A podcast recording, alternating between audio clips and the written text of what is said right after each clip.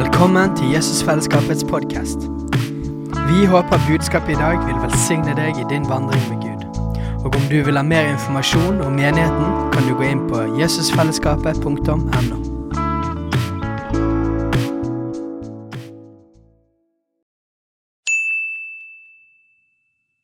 Hei!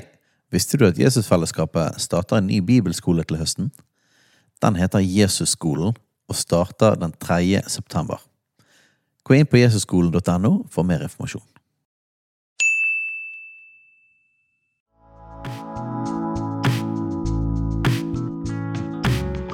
Velkommen til Jesusfellesskapets podkast. Vi håper budskapet i dag vil velsigne deg i din vandring med Gud. Og om du vil ha mer informasjon om menigheten, kan du gå inn på jesusfellesskapet.no. Så bra, så bra. Men vi holder altså på med det store oppdraget og det vi kaller Lukas 10-modellen. Eh, Det er rett og slett fordi denne modellen har vi henta fra noen vers i Lukas evangeliet kapittel 10. Og som jeg har sagt en gang før, dette er en modell, det er ikke en oppskrift. Vet du forskjellen på en modell og en oppskrift? Nei, ok, da skal jeg forklare deg det. Ja. En modell er sånn dame som går nedover catwalken og sånn Nei, ja. Gode gamle Reidar Paulsen sa det en gang. Han likte bedre å snakke om å være forbilde enn en modell, for han så ikke seg sjøl som modell. jeg kan skjønne den, da. En oppskrift er som regel sånn at du bør følge den til punkt og prikke for å få rett resultat. Jeg mener, Hvis du skal bake brød, så gjør det i den rekkefølgen det står. type. En modell er mer Dette er en måte å gå fram på, som hvis det funker, funker så er det bra. En modell er ikke så slavisk som en oppskrift.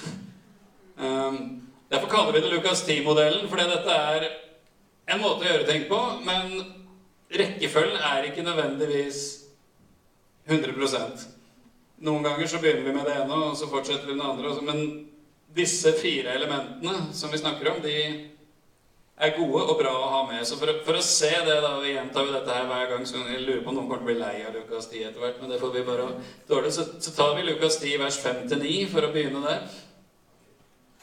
Hvis du vil vite mer om modellen, så i denne bønnemanualen vår med både en bibelleseplan og litt forskjellig, så, så står den litt mer forklart også. Jeg kan finne fram noen eksemplarer av den hvis noen har lyst på en sånn en etterpå. Lukas 10, vers 5-9, hvor Jesus sender ut disse 70 med for, for at de skal gjøre det han ber dem om å gjøre. I hvert hus dere kommer inn, skal dere først si 'Fred være med dette hus'. Hvis det er et fredens barn der, skal fred, deres fred hvile over det. Hvis ikke, skal den vende tilbake til dere. Bli i det samme huset, spis og drikk det de setter fram for. setter fram, for arbeiderne er sin mat verdt. Gå ikke fra hus til hus. I hver by dere kommer inn, hvor de tar imot dere, skal dere spise det som settes fram for dere. Helbred de syke der, og si til dem Guds rike er kommet nær til dere. Så den modellen, altså ikke oppskriften som må følge slavisk, men modellen som vi trekker ut av dette her, er aller først det med altså å velsigne med fred. Altså vil si be for å velsigne. Og nå, nå handler jo det store oppdraget om å nå mennesker som ikke kjenner Jesus, så da begynner det altså med at du ber for og velsigner mennesker i din nærhet som ikke kjenner Jesus. Punkt nummer to var å spise. Noen som liker det? Ja, jeg er glad i det. Altså Det går på bygge relasjon, ha relasjon. Måltid har du med mennesker som du er kjent med eller ønsker å bli kjent med. Bygge relasjon til mennesker. Punkt nummer tre. Her sier Jesus 'helbred de syke' ved å utvide det til å si 'be for menneskers behov'. Det inkluderer det med at syke trenger å bli friske, men mennesker kan ha veldig mange andre behov. Altså I relasjonen så kan det dukke opp behov som man får lov å be for. Og punkt nummer fire Si Guds rike er kommet nær til dere. Altså Del evangeliet om Guds rike. Del de gode nyhetene om Jesus. Så vi har jobba litt med både punkt én og to i forkynnelsen. Skal komme tilbake til punkt én ved en senere anledning i høst også. Eh, I dag skal vi begynne på punkt nummer tre.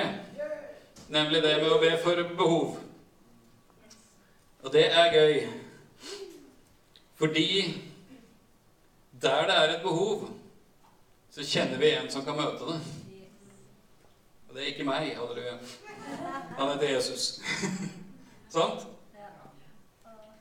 Derfor er det med behov spennende. Når du begynner å få en relasjon med mennesker som er blitt god nok til at mennesker deler behov i livet sitt, så kan man da komme inn på at ja, men altså, jeg er en kristen. Jeg tror på Gud.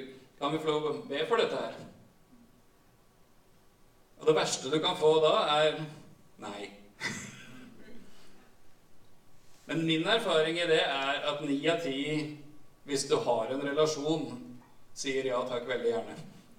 Hvis du ikke har en relasjon, så kan uh, sannsynligheten være lavere. Men hvis du har en relasjon, så er stort sett gjennomsnittserfaringen at ni av ti sier ja takk, ja, vil du det? Altså, jeg sa det at vi skulle da snakke om mange forskjellige måter å møte og betjene behov på. Men vi skal begynne med det som har med helbredelse å gjøre.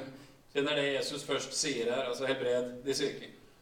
Så fra i dag og de to neste søndagene så skal vi snakke om helbredelse. I dag litt sånn kort grunnlag ut fra Bibelen, og så litt mer over i litt praktiske ting. Neste søndag skal Steinar gi dere hele teologien på helbredelse. Nei, ikke hele, da. Det er jo et fag på jeg vet ikke hvor mange timer på Impact som han har, men han skal gi dere i hvert fall en grundig innføring i det. Eh, jeg skal ta litt mer de praktiske tingene, da. Høres det greit ut? Ja. Da klemmer vi i vei. Det var bare innledningen, det første greiene her. Altså, ikke sant? Altså. Hvor mange av dere har lest Det nye testamentet? Nei, det er bare sånn, ja. og oppdaga det at der står det en del om helbredelse. Gjør det ikke det? Ja. Så leser du Gamletestamentet, så står det en del om det der òg, faktisk. Du finner det gjennom hele Bibelen, men spesielt i Det nye testamentet. Og det begynner med Jesus. Som det meste annet. Så for å ta et lite eksempel fra Jesu liv og tjeneste, så skal vi gå til Markus kapittel 1. Skal vi se Markus 1.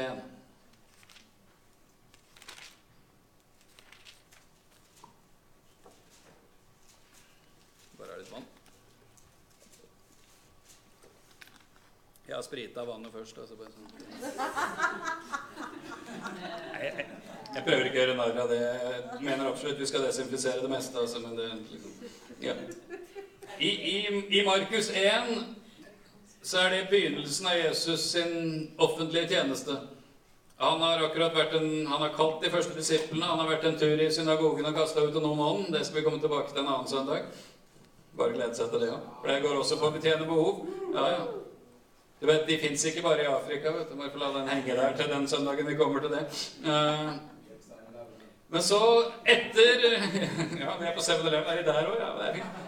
Så etter synagogebesøket så skal man jo ha seg noe mat og sånn, og da går de hjem til Peter. Og da kan vi lese da fra vers 29 i Markus 1. Så snart de var kommet ut av synagogen, gikk de hjem til Simon og Andreas sammen med Jakob og Johannes. Simons svigermor lå syk med feber, og de fortalte ham om henne med en gang. Han kom bort til henne og reiste henne opp ved å ta henne i hånden. Straks forlot feberen henne, og hun tjente dem. Dette er en litt sånn artig historie på en måte. Jeg er sikker på at altså, Simon og Andreas da, ok, Hvis de ikke hjem til oss altså, Svigermor til Peter hun er, hun er, god til å lage mat. ikke sant? Altså, nå skal vi ta med Jesus og Jeg er svigermor til Peter, god til å lage mat. Ja, ja Markus. Jakob og Markus og Peter sitter jo ja, ja. Så, så, så, Peter tenker vet du, at ja, ja, svigermor er god til å lage mat. Og Jesus er jo en herlig fyr. Han, vi har fått litt kontakt med ham. Nå skal han bli med hjem. Og så kommer vi hjem, og så går hele planen i i kjelleren, for svigermor er jo syk. Så hva gjør vi da? Her ryker hele sjansen til å ha Jesus på lunsj, ikke sant? Kanskje Jesus må gå på McDonald's eller 7-Eleven, fordi det var ikke mat å få hjemme hos Peter. vet du. Men da nevner vi det for Jesus, da. ikke sant? Og Jesus er jo ikke verre. Jesus er altså så nådefull, så han helbreder svigermødre. Altså. Halleluja. Jeg er veldig glad i min svigermor. Altså, jeg har faktisk et bedre forhold til svigermor enn jeg hadde til min egen mor, men det er en annen side av saken. Den tar vi ikke nå. Uh, men ja jeg, har hørt referert til en kjent argentinsk forkynner som lurte på om Peter faktisk fornekta Jesus fordi han helbreda svigermora hans, men jeg, jeg tror det var en spøk. Vi velger å tro at det var en spøk, ok? Ja. Men Jesus helbreder svigermor, og da blir det orden på sakene. vet du. Da blir det mat og alt og greier. Herlig dag, tenker Peter. og Nå skal vi slappe av og ta det rolig. og, og Kanskje se om det er noe bra på TV sammen med Jesus. Nei, de hadde vel ikke det på den tiden. De skulle bare se om du var våken. Men, men så plutselig så banker det på døra. Og så kan vi lese videre. Om kvelden, da solen var gått ned, førte de til ham alle som var syke og Demonbesatte og hele byen var samlet ved døren. Han hadde bredt mange som led av forskjellige sykdommer, og drev ut mange demoner. Han tillot ikke demonene å snakke siden de visste hvem han var. så gikk det altså da fra helbredelse av svigermor til helbredelsesvekkelse utenfor døra. Og hele byen var samla. Og han helbreda massevis av mennesker og satte fri massevis av mennesker. ikke det herlig? Du skal ikke lese lenge om Jesus i evangeliene før du støter på helbredelser. Også. Faktisk så er det sånn at hvis du tar vekk historiene i evangeliene som handler om helbredelser, så må du ta vekk 25-30% av evangeliene. Ikke i antall vers, men i antall historier. Mellom 25 og 30% av de fire evangeliene handler om helbredelse. Hvis du legger på alle de andre under, sånn, så kommer vi over 50 Og det sier jo noe, da. Jesu liv og tjeneste besto mye av helbredelse. Og hvorfor det? Ganske enkelt fordi det var tegnet på at Jesus var utsendt av Gud. Husker hva Jesus sa når han var i synagogen i Nasaret. 'Herrens ånd er over meg, for han har salvet meg.' Og når Gud salver noen, så gir det seg utslag i konkrete ting. Det er ikke bare en god følelse. Det gir seg utslag i konkrete ting. Helbredelser var et tegn på at Jesus var utsatt fra Gud. Så sender Jesus ut disiplene sine, og de begynner å helbrede. Det har vi snakka om en søndag tidligere her. Det ser vi både i evangeliene at de gjør, og det ser vi også helt klart i apostlenes gjerninger. Så vi fortsetter til apostlenes gjerninger kapittel 5. Det er noen helbredelser før det òg, men vi skal ta et sånn liten oppsummeringshit der. Fra vers 12. Og så noen vers der. Apostelens gjerninger 5, 12-16. Ved apostlenes hender ble det gjort mange tegn og under blant folket. Og med samme sinnelag var de alle samlet i Salomos buegang. Likevel var det ingen av de andre som våget å slutte seg til det, men folket satte dem høyt, og stadig flere troner ble lagt til Herren, mengder av både menn og kvinner. Slik at de også tok syke ut på gaten og la dem på senger og bårer, for at i det minste skyggene av Peter kunne falle på noen av dem når han gikk forbi. En folkemengde samlet seg også fra byene omkring og kom til Jerusalem. De hadde med seg syke mennesker og noen som var plaget av urene ånder, og alle ble helbredet. Mm -hmm. Så det var ikke bare Jesus. De første etterfølgerne av Jesus de fortsatte med akkurat det samme. Helbredelser, befrielser. Massevis. Og et par av de ble helbredet. Nei, og alle sto det faktisk. Ja. Alle ble helbredet, ja. ja. Mm. Og hvor var Jesus hen når dette skjedde? Han var i himmelen, ja. Mm. Så det fortsatte etter at han for opp. For han ga de den samme ånden som var over han, sant? Så ble de salva med den samme ånd som Jesus hadde, og fortsatte å gjøre de samme tingene. Ja, de gjør jo faktisk større ting, sånn som Jesus sier i Johannes 14, 12, for det er skyggen til Jesus ser vi aldri i noen, men skyggen til Peter gjorde faktisk det. Det er faktisk hakket over her. Det er litt stilig. Og det fortsetter videre gjennom apostlenes gjerninger. Du ser det i Paulus sitt liv og hans tjeneste. Han refererer til de brevene sine. Du ser det gjennom hele Det nye testamentet. Og så slutter det ikke når Det nye testamentet er ferdig. Selv om noen kristne påstår det.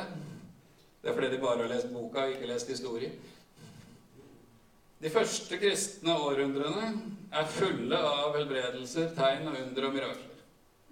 Første, ikke bare første to-tre, men første tre-fire århundrene er fulle av det. Du kan ikke lese en ende en av skriftene til disse forskjellige kirkelederne i disse første århundrene uten at de fokuserer på det som har med helbredelse å gjøre, og at det skjer veldig mye av det. Veldig mye av det. I, på, på 400-tallet en mann som heter Augustin, i hans bok 'The City of God', hvor han snakker om også Guds menighet, så har han et helt kapittel som bare er på all, alle helbredelser og alt det andre overnaturlige som skjer, hvor han til slutt, etter å ha fortalt masse vitnesbyrd om ting som skjer, bare skriver Det virker som han nesten gir opp. Han kommer med at Ja, nei, hvis jeg skulle skrive ned alt jeg visste om som skjer, så blir jeg nok ikke ferdig i dette livet, eller et eller annet sånt. Sier Augustin. På midten av 400-tallet. Ganske lenge etter at boka var samla, altså. Og utover i historien så ser du at det skjer. Men så kommer kirka litt på villspor og avveier og begynner å spore over på ting som Jesus ikke hadde sagt man skulle gjøre, og blir mer opptatt av ting som ikke var så sentrale, og da blir også dette her ikke fullt så sentralt lenger. Selv om det skjer for det. Og så kommer vi inn i det som i historien kalles for opplysningstiden. Noen som har hørt om det?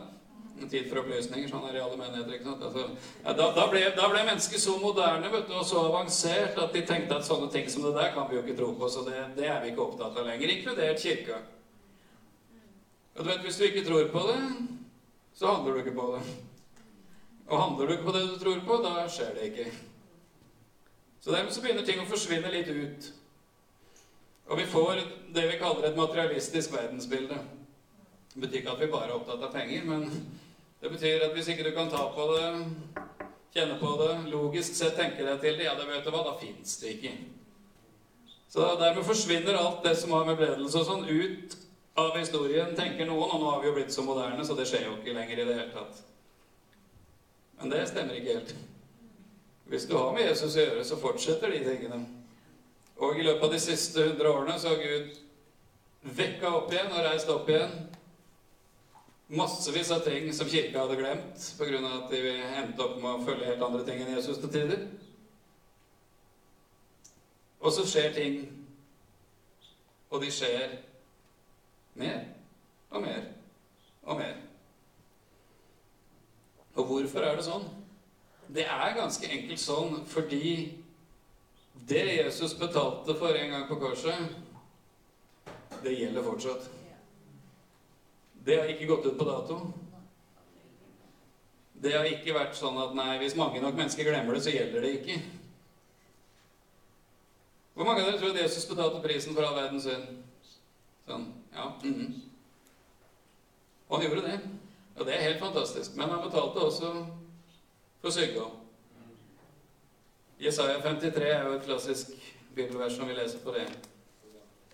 Jesaja 53.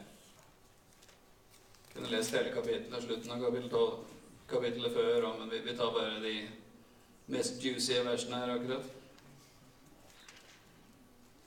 Vers 4 og 5 i Jesaja 53. Sannelig, det var våre sykdommer han tok på seg, det var våre smerter han bar, men vi regnet ham som rammet, slått av Gud og gjort elendig. Men han ble såret for våre lovbrudd, han ble knust for våre synder. Straffen rammet ham for at vi skulle ha fred, og ved hans sår har vi fått legedom. Mm -hmm. Se, det kommer på skjermen.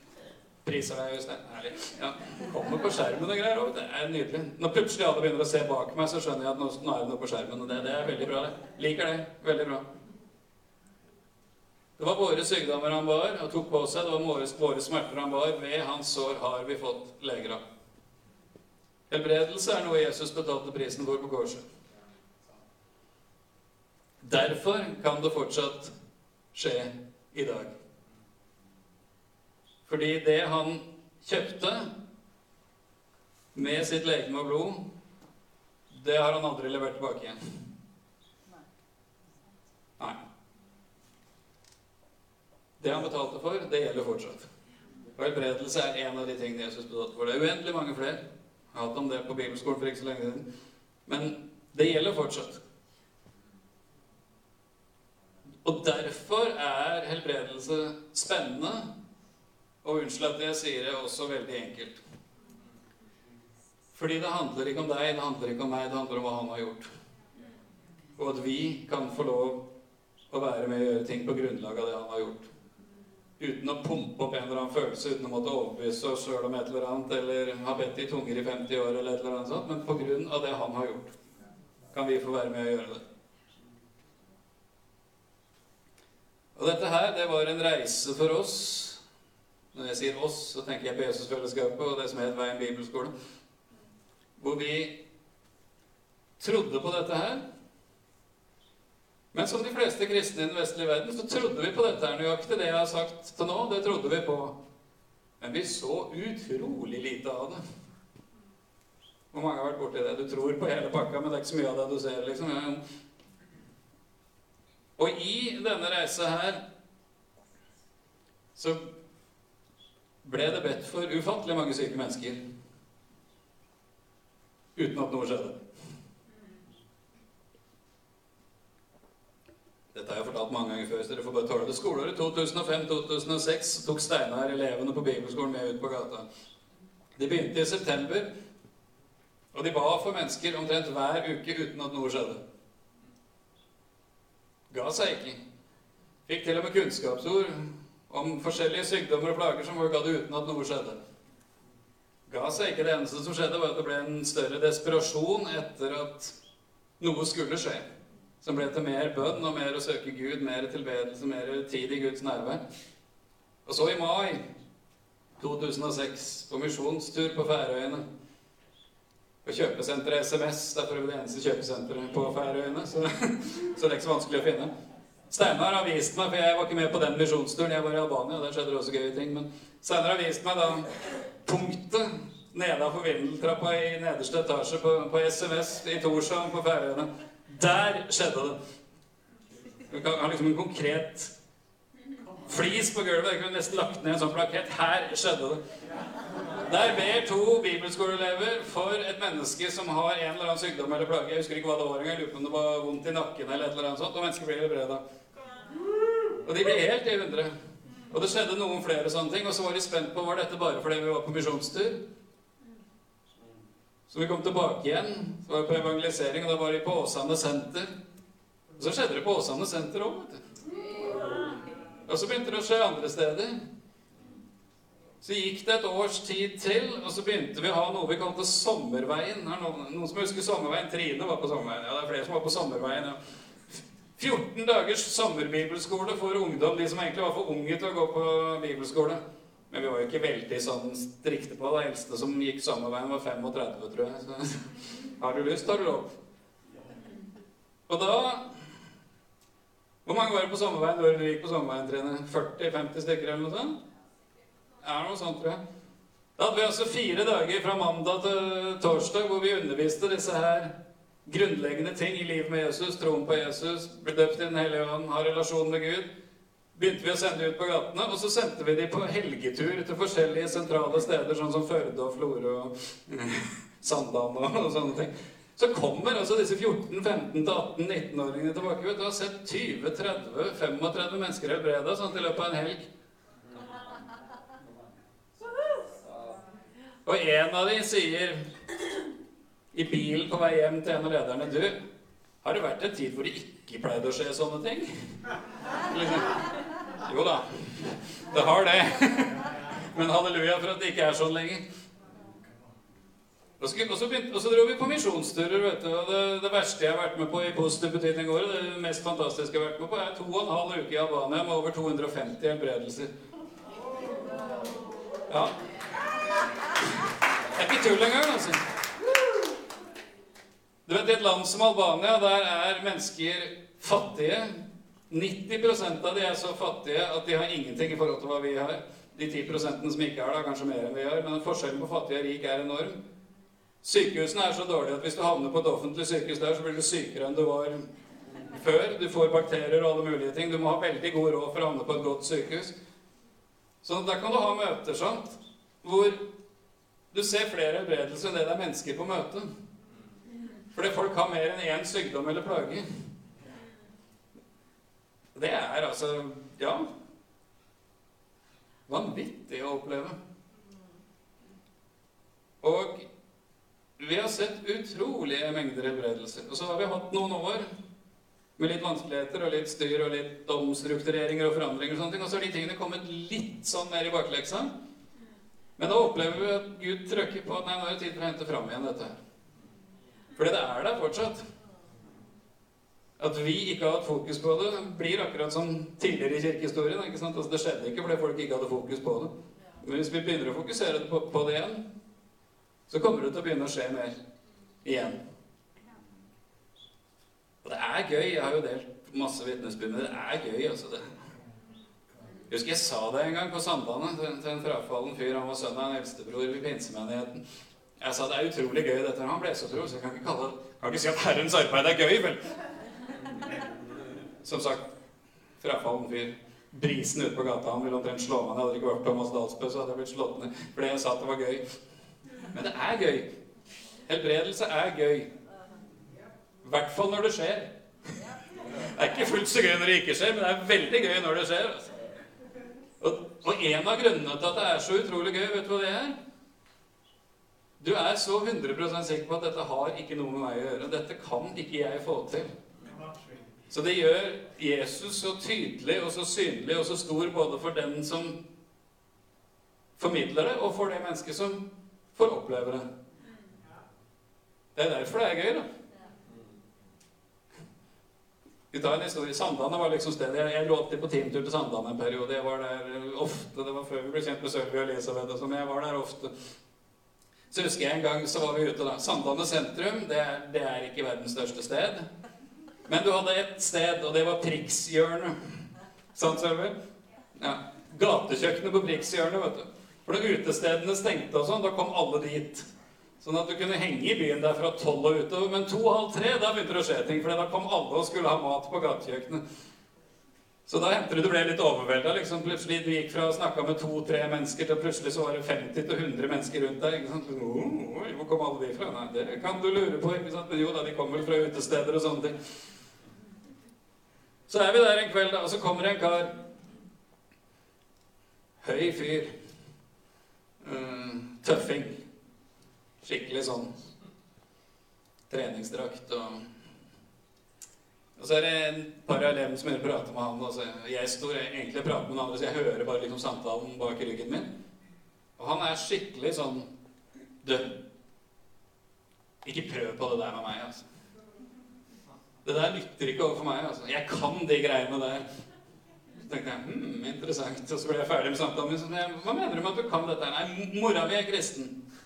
Mora mi går på møter, hun går der oppe på pinsemenigheten. Det er sikkert derfra dere kommer nå. Jo, det stemmer det. er derfra vi kommer nå, ikke sant? Altså, jeg har hørt dette her opp på stolper stolpe jeg var liten. Jeg kan det der. Du kommer ingen vei, altså. Nei, ok. Så, men du har ikke noen fysiske smerter eller plager et eller annet sted eller sånn, da? Jo, han hadde, han hadde veldig vondt i høyre, høyre hånd, da. Jo. Og, og det var fordi han var blitt så sint på en kompis. Men han var kampsportinstruktør, da, så han, han, kunne jo ikke slå ham, for da ville han havna i fengsel. Sant? for det, det regnes jo som at du har et våpen hvis du Så han hadde da isteden bare smelt knyttneven i veggen. da. Så han sa liksom Det er sånn Au! Bare gjør sånn, så au! Ja, men kan vi be for det? Ja, ja. Så la jeg hånda på ham og ba, da. Og så Ja, må du teste, da. Så gjorde han sånn. Så. Skjedde ingenting. Det var det jeg visste. Det var det jeg visste. Du vet, Mora mi har bedt for meg. Hun ber for meg. Hun sier 'jeg ber for deg hver kveld om at du skal bli frelst'. Altså, men det funker ikke, dette. Inni meg så tenkte jeg 'du har ikke en sjans'. Får jeg, be, får jeg be en gang til? Ja, ja, ok, da. La jeg hånda på han, og inni meg så tenkte jeg 'Jesu navn, nå kobler jeg meg på alle de bønnene fra moro. Men jeg sa bare 'Jesu navn befaler all smerte å forsvinne fra fingrene'. Og du tester, da. Det kan jeg vel, det kan jeg. Vel Hva er det som skjer? Jo, jeg skal fortelle deg hva som skjer. Det er mor di som begynner å få svar på bønnene sine.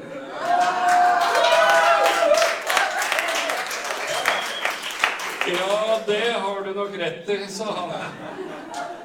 Men nå tror jeg jeg må gå hjem, og så løp hun derfra. Det er første og siste gangen jeg har sett han. Men det var jo gøy, da. Jeg må jo si det. Det var gøy. Sånn type moro er lov å ha i kristen sammenheng. altså. Det er faktisk veldig, veldig, veldig gøy og lov å ha. Men du vet Det som er farlig eller vanskelig med det der, er at eneste måten å ha sånn gøy på, er jo faktisk at man spør noen om man får lov å be for dem. Det er faktisk eneste måten å oppleve det på. Og veldig ofte så kommer jo sånne ting fram fordi mennesker forteller at de har en, et eller annet behov. Altså I relasjon med deg forteller de at de har et eller annet behov. Og så kan du få spørre om å få be for dem. Men andre ganger så kommer det jo da rett og slett ved at du får det vi kaller et kunnskapsord. Mange av dere har hørt om kunnskapsord? Ja, det er fint. Det vil si at Gud gir kunnskap om noe han ønsker å gjøre. Og da kan det jo da kan du bli enda morsommere. For da kan du jo overraske mennesker så det holder, ikke sant? En av de mest overraskende variantene av det var eh, en gang for mange år siden jeg var ute på evangelisering. Jeg gikk sammen med en bibelskoleelev. Så sier hun jeg tror jeg et kunnskapsord til hun dama der. og kom en dame ut av et parfymeri på Åsane senter. Ja, men da går vi bort til henne, da. Så gikk vi bort til ei sånn businessutseende dame, da. Så sier eleven du, unnskyld, har du vondt i nakken? Og dama var businessdame og var sikkert vant til Det var ikke noe tull her, så hun setter øya i og sier ja, og hva har du tenkt å gjøre med det? Det er ikke den reaksjonen du mest får, men det var jo det. Øh, be for deg? Ja, men det får du lov til. Hun ville ikke teste ut eller sånn, gikk bare videre, men det var en sånn oh, ja. Men kunnskapsord kan være morsomt, fordi Gud kjenner de menneskene du møter. Selv om ikke du kjenner dem. Og han kan slippe ting ned i deg, vet du. Som gjør at du kan få lov å si noe som gjør at de kan få et møte med Gud. Jeg delte jo et vitnesbyrd her for noen ganger siden, han der lille fyren i Belgia og sånt. Står og prater med ham, så får jeg bare tanken vondt i skulderen. Litt sånn her omtrent. Så jeg, du har ikke vondt i skulderen, har du det? Så, Hvordan vet du det? Jeg har ikke sagt det til kona engang. Hvordan vet du det? Det er ingen som vet det. Ja, det fins en som vet det. Vi gjør det, da. Kunnskapsord er veldig enkelt. Det er så enkelt at du som regel går glipp av det. De fleste mennesker har den misforståelsen når det gjelder at Gud taler til dem, at de tenker at hvis det skal være Gud, så må det høres ut som som Moses på fjellet. Ingebjørg, jeg vil at du skal be for den damen der borte. Nå! Ikke sant? Sånn. Da taler Gud. Jo da. Mange av dere har hørt Gud tale sånn. Ja. Det, det pleier å være én, eh, maks to i en gruppe på den, på den størrelsen her som har hørt noe sånt. Betyr det at ingen av dere andre kan Gud tale til, da, fordi dere ikke har hørt Gud tale sånn? Nei. Første gangen jeg hørte noen fortelle om kunnskapsord, det gjorde at jeg, jeg ikke trodde jeg kunne få det i mange år. Da var jeg på et møte, så var det en som vitna. Å, jeg husker første gangen jeg fikk et kunnskapsord til helbredelse. Det var helt fantastisk. Vi var i bønn på et møte. Unnskyld tonefallet, men det var et sånt type møte. Vi var i bønn på et møte. Og med øynene lukket så så jeg en sånn lysende ildportal, og inni portalen så sto det med ildbokstaver 'ryggsmerter'. Så jeg reiste meg opp og sa 'er det noen her som har ryggsmerter?' Og det var det, og hun ble helbredet. Halleluja! Og det er jo halleluja, det. Men jeg tenkte wow, det har jeg aldri opplevd. Det kommer jeg sikkert aldri til å oppleve. Jeg har ennå, ennå ikke sett noen ildportal på innsida av øyelokka med ildskrift. Ja, så jeg må si det. Hvor mange andre av dere har gjort det, forresten? Nei. Det var det. Min erfaring med disse tingene her, for å prøve å koke det veldig ned, er at Gud som regel bruker de sansene du allerede har. Vi tar den en gang til. Gud bruker som regel de sansene du allerede har. Du får en tanke. Du får en følelse. Fornemmelse av et eller annet. Kanskje kan du til og med, hvis du lukker øya, se for deg et eller annet. Eller plutselig får du en smerte på et sted du vet at her har ikke jeg vondt. For eksempel. Den eneste måten å finne ut om det er Gud på, det er jo da å spørre Du har ikke tilfeldigvis Eller er det noen her som Og så videre og så videre. ikke sant? Og så lenge det gjøres på en veldig sånn ikke-truende og hyggelig måte, så pleier det å funke veldig bra. For det verste du igjen kan oppleve, er at folk sier Nei.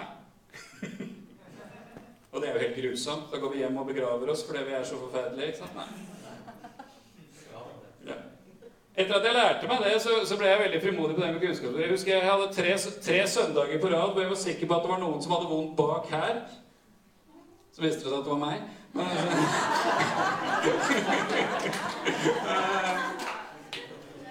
Problemet med en visdomstann det, var ikke, det var ikke et kunnskapsord. Det var sånn så et kunnskapsord til meg om at jeg hadde vondt bak her. Men men jeg prøvde nå i hvert fall, ikke sant? Og det er noe med det Bibelen snakker om å søke med iver og få de åndelige gaver. Ikke sant? Ja, hvordan søker man å få det? Jo, da søker man å bruke og prøve det man tror Gud gir en. Den gode, gamle evangelisten Reiner Bunke som døde i fjor, han ble spurt en gang på et seminar Hvem tror du Gud gir nådegaver til å helbrede? Det er et godt spørsmål. Nå skal dere få hemmeligheten.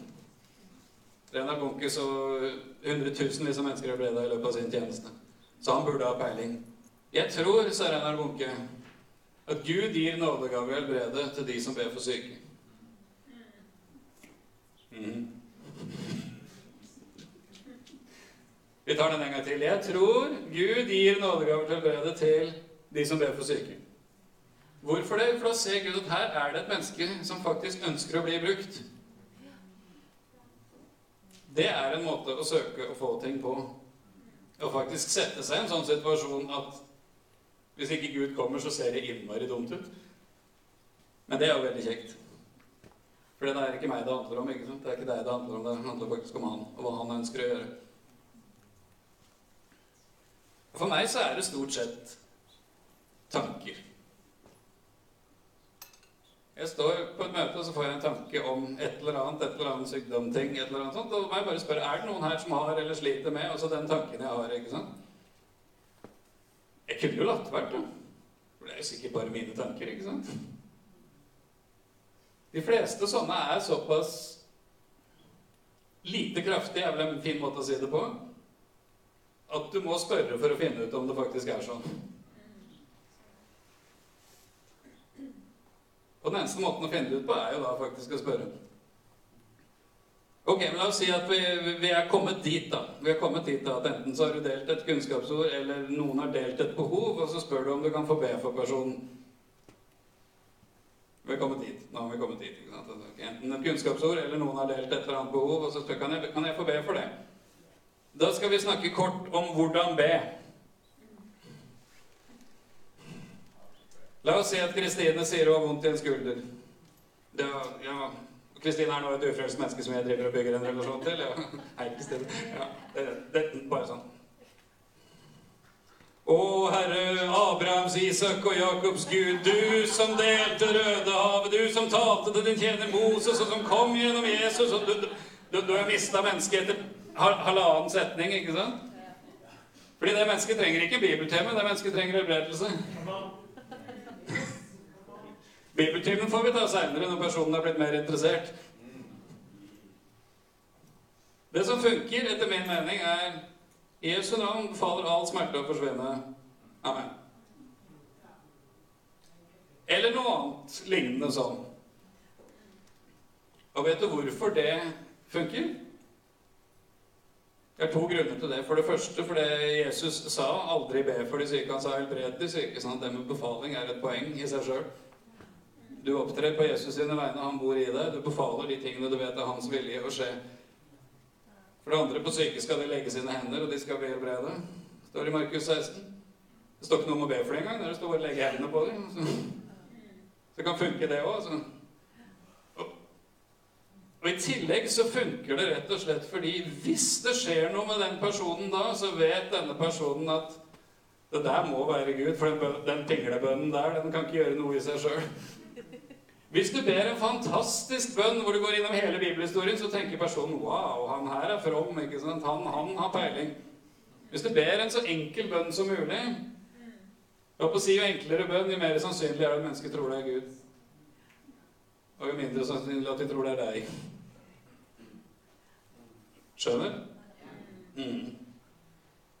Vi, er, vi, vi, vi, pleier å si som Rema 1000 vi, altså det enkle er ofte det beste. Også når det gjelder de tingene her, altså. Jo mer avansert og komplisert vi gjør det, jo, jo mindre skjer, altså. Vil jeg påstå. Jo mindre som skjer, jo mindre lyst har vi til å prøve å gjøre det en annen gang. Sånn? Mm. Men la oss si at du er på jobb i morgen.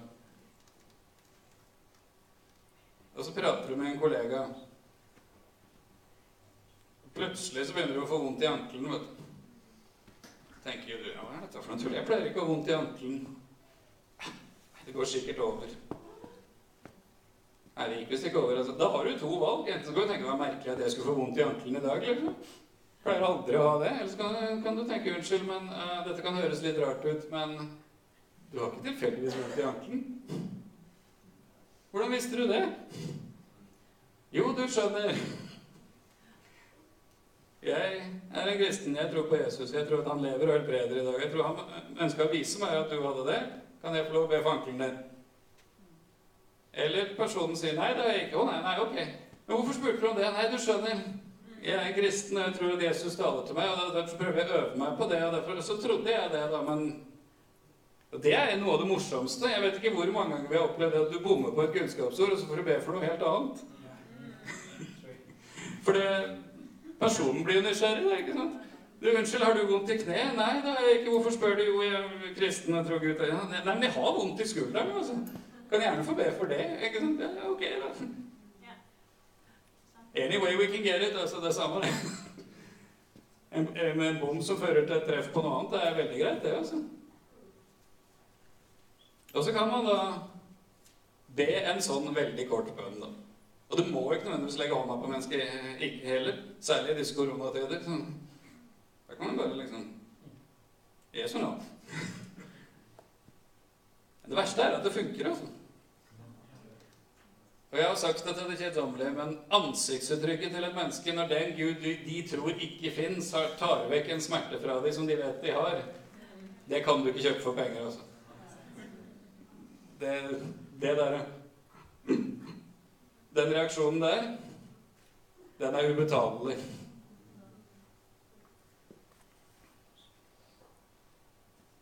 Og hvorfor er, dette, hvorfor er dette her et poeng? Det er, det er, to grunner til det. Det ene er at Jesus gjorde det. Han sa til disiplene at de skulle gjøre det, og han sa at de skulle lære alle andre som kom til å tro på ham, å gjøre det. Og det andre er at det mennesket som opplever en berøring av Jesus på den måten, har større sannsynlighet for å tro at Jesus fins og vil ha noe med livet deres å gjøre, enn en som ikke opplever det. Det er faktisk så enkelt. Veldig mye evangelisering i den vestlige verden er ikke evangelisering, det er diskutering. Det er Nå skal jeg fortelle deg hva jeg tror på, og så skal jeg prøve å overbevise deg om at det er rett. Og det å forkynne evangeliet det har absolutt sin plass, men det vender veldig ofte opp Nei, men jeg tror ikke på det. Og det en kan klare å overbevise en, annen om, kan en annen klare å snakke personen ut av. Hvis det bare går på ord og argumentasjon, hvis en annen da kommer og er mer overbevisende i argumentene sine enn det jeg er, så kan den begynne å tro på noe helt annet. ikke sant? Men det er fryktelig vanskelig å bortforklare en helbredelse. altså. Ja, ja, placebo og alt det der. Altså, men hvis du ber for et menneske som ikke tror det kommer til å skje noe som helst, så er det jo ikke veldig mye placebo inne i bildet. altså. Liksom Nei, jeg tror ikke noe på det. Nei, men kan ikke vi få be for det? Jo da. Så liksom, I alle dager, hva som skjedde nå? ikke sant? Altså, det er ikke mye placebo der, altså. Placebo betyr jo at du vil noe så sterkt, så derfor skjer det. Men hvis du ber for et menneske som overhodet ikke tror det skjer noe som helst, så vil jo ikke den egentlig noe som helst. Men Gud vil.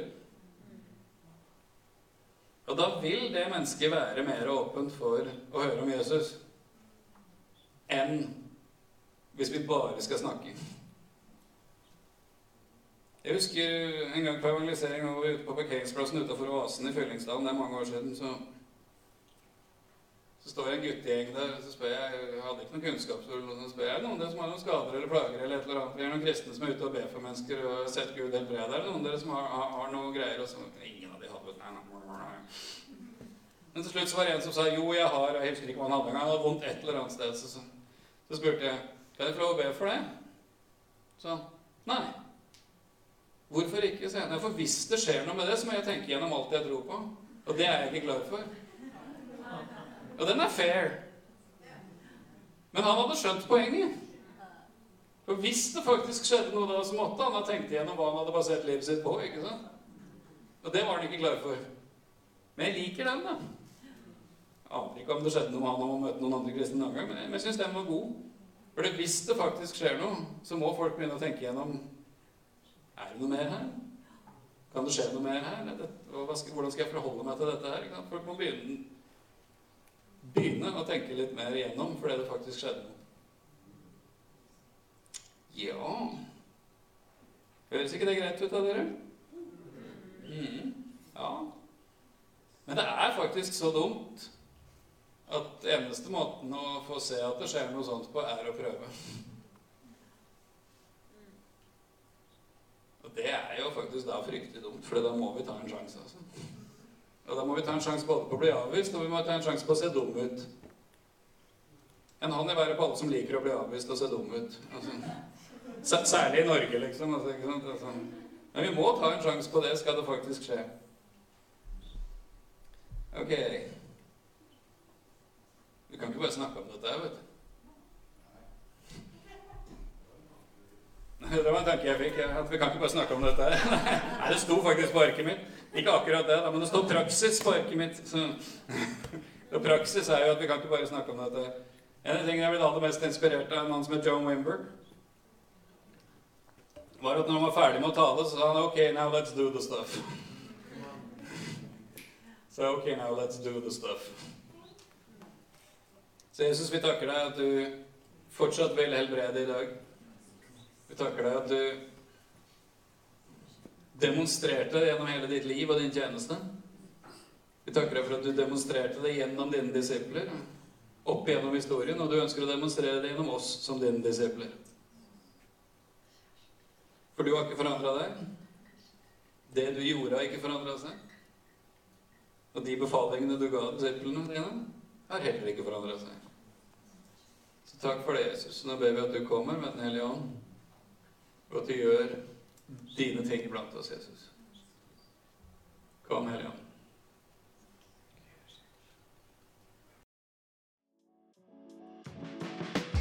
Hei, alle sammen. Det er Katrine og Steinar Lofnes her. Vi er hovedledere for Jesusfellesskapet.